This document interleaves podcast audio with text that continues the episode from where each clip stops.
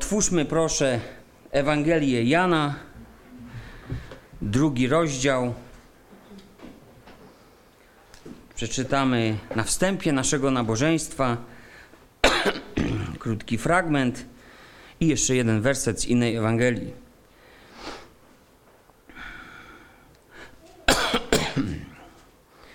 Drugi rozdział od 19 wersetu. Jezus odpowiadając rzekł im: Zbóżcie tę świątynię, a ja w trzy dni ją odbuduję. Na to rzekli Żydzi: 46 lat budowano to, tę świątynię, a ty w trzy dni chcesz ją odbudować?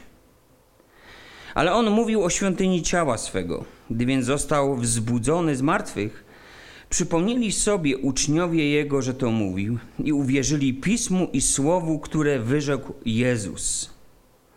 A gdy był w Jerozolimie, na święcie Paschy wielu uwierzyło w Jego imię, widząc cuda, których dokonywał. Ale sam Jezus nie miał do nich zaufania, bo przejrzał wszystkich i od nikogo nie potrzebował świadectwa o człowieku, sam bowiem wiedział, co było w człowieku. I Ewangelia Marka, 15 rozdział, 14 rozdział, 58 werset. Myśmy słyszeli go, jak mówił. Ja zburzę tę świątynię wzniesioną rękami ludzkimi, a w trzy dni zbuduję inną, wzniesioną nie rękami ludzkimi. Spójrzmy, świątynia wzniesiona ludzkimi rękami, już wiemy, że się nie ostała.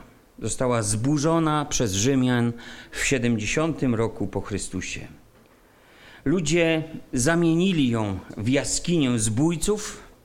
Pamiętamy, nie czytam kontekstu, Pan Jezus powywracał stoły handlarzy i wekslarzy, którzy ciągnęli zyski właśnie z religii. Więc oni uczynili z tego miejsca jaskinię zbójców, miejsce handlu, kultu, tradycji miejsce niesprawiedliwości i wyzysku na człowieku. I do tego właśnie zaprowadziła ich ta ludzka budowla i ta ludzka religia.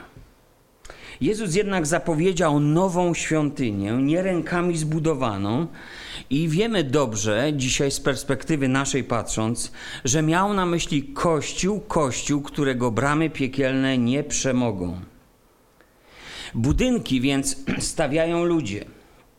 Instytucje kościelne powołują do istnienia ludzie.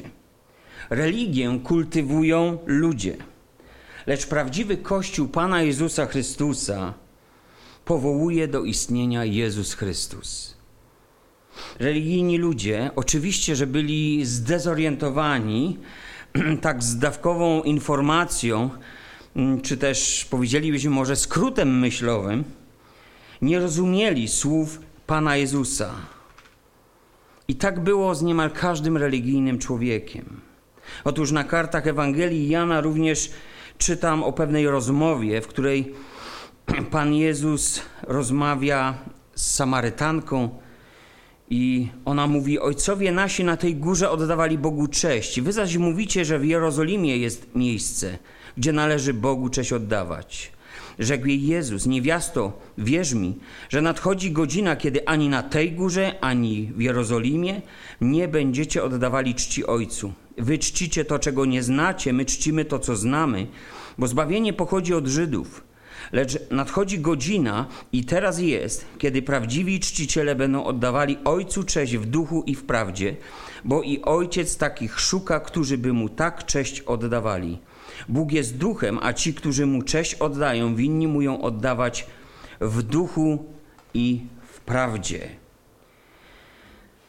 Jak się pewnie domyślacie, albo i nie, dzisiaj Kościół Jezusa Chrystusa upamiętnia dzień, wyjątkowy dzień zesłania Ducha Świętego, tak zwane Zielone Świątki. A więc upamiętniamy początek wielkiej budowli nie rękami ludzkimi budowanej, budowli duchowej. Ten czas położenia kamienia węgielnego pod tą budowlę nastąpił nieco wcześniej, kiedy Pan Jezus umarł i zmartwychwstał i wszystko zamknęło się w trzech dniach. Lecz teraz my wspominamy Ten moment, kiedy te pierwsze żywe kamienie zostały położone na właściwym, na właściwym miejscu. Kiedy fundament kościoła został założony i pierwsi wierzący dołączyli do tej duchowej budowli, do tego zgromadzenia wierzących. I w liście apostoła Piotra czytam w drugim rozdziale, piątym wersecie, i wy sami, jako kamienie żywe, budujcie się w dom duchowy, w kapłaństwo święte, aby składać duchowe ofiary przyjemne Bogu przez Jezusa Chrystusa. Pięćdziesiątnica. W tym dniu powstaje Kościół, w tym dniu Bóg zsyła obietnicę z nieba, obietnicę Ducha Świętego. To jest nie tylko wspomnienie więc tej duchowej budowli, budowanej w duchu i prawdzie, ale to jest również dla nas wspomnienie tego, że to, co było stare, musiało odejść, musiało umrzeć.